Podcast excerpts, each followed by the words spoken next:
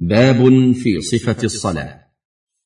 بعد أن بينا أركان الصلاة وواجباتها وسننها القولية والفعلية نريد أن نذكر صفة الصلاة المشتملة على تلك الأركان والواجبات والسنن حسب ما وردت به النصوص من صفة صلاة النبي صلى الله عليه وسلم لتكون قدوة للمسلم عملا بقوله صلى الله عليه وسلم. صلوا كما رأيتموني أصلي. حاشية رواه البخاري برقم واحد وثلاثين وستمائة. انتهى. وإليك سياق ذلك.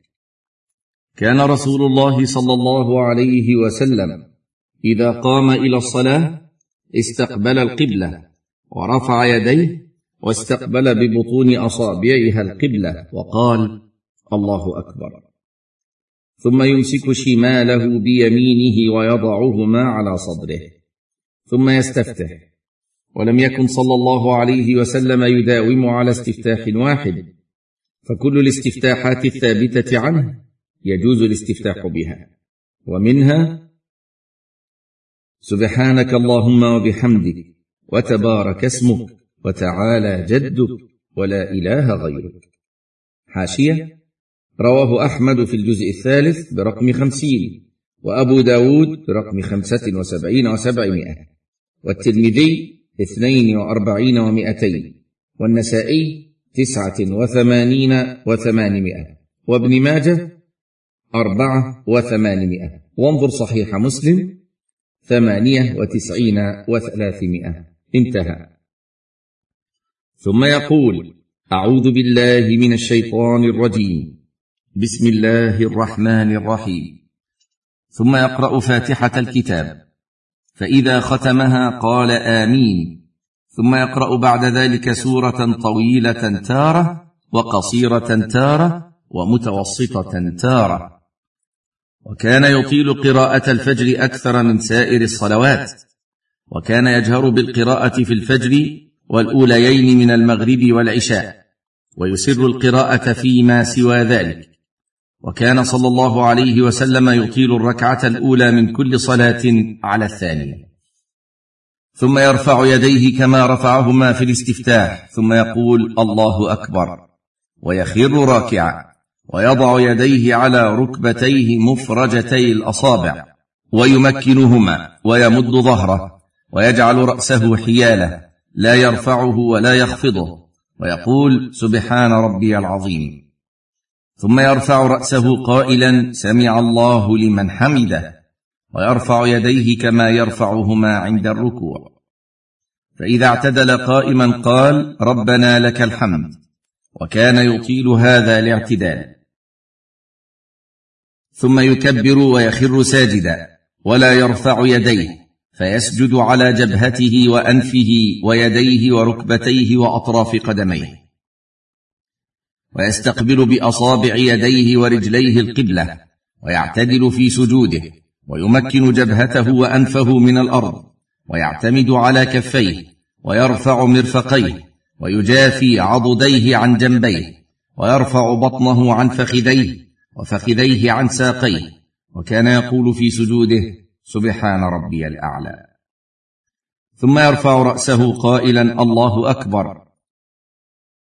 ثم يرفع رأسه قائلا الله أكبر.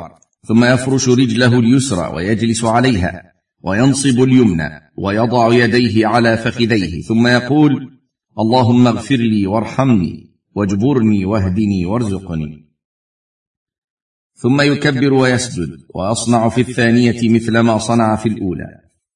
ثم يرفع رأسه مكبرا وينهض على صدور قدميه معتمدا على ركبتيه وفخذيه.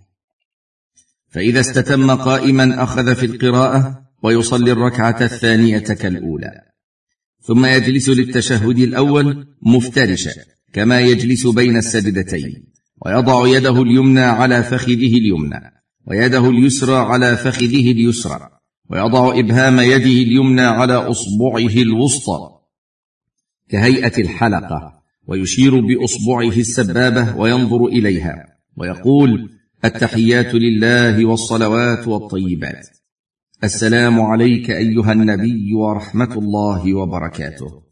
السلام علينا وعلى عباد الله الصالحين. أشهد أن لا إله إلا الله وحده لا شريك له وأشهد أن محمدا عبده ورسوله. وكان صلى الله عليه وسلم يخفف هذه الجلسة.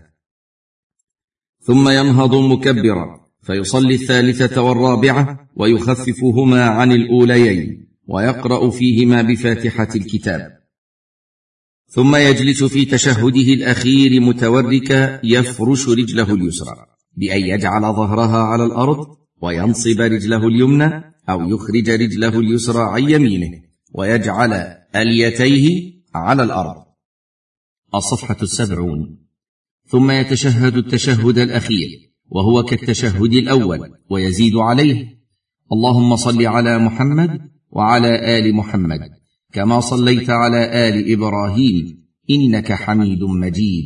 وبارك على محمد وعلى آل محمد كما باركت على آل إبراهيم إنك حميد مجيد. ويستعيذ بالله من عذاب جهنم ومن عذاب القبر ومن فتنة المحيا والممات ومن فتنة المسيح الدجال. ويدعو بما ورد من الأدعية في الكتاب والسنة. ثم يسلم عن يمينه فيقول السلام عليكم ورحمة الله وعن يساره كذلك.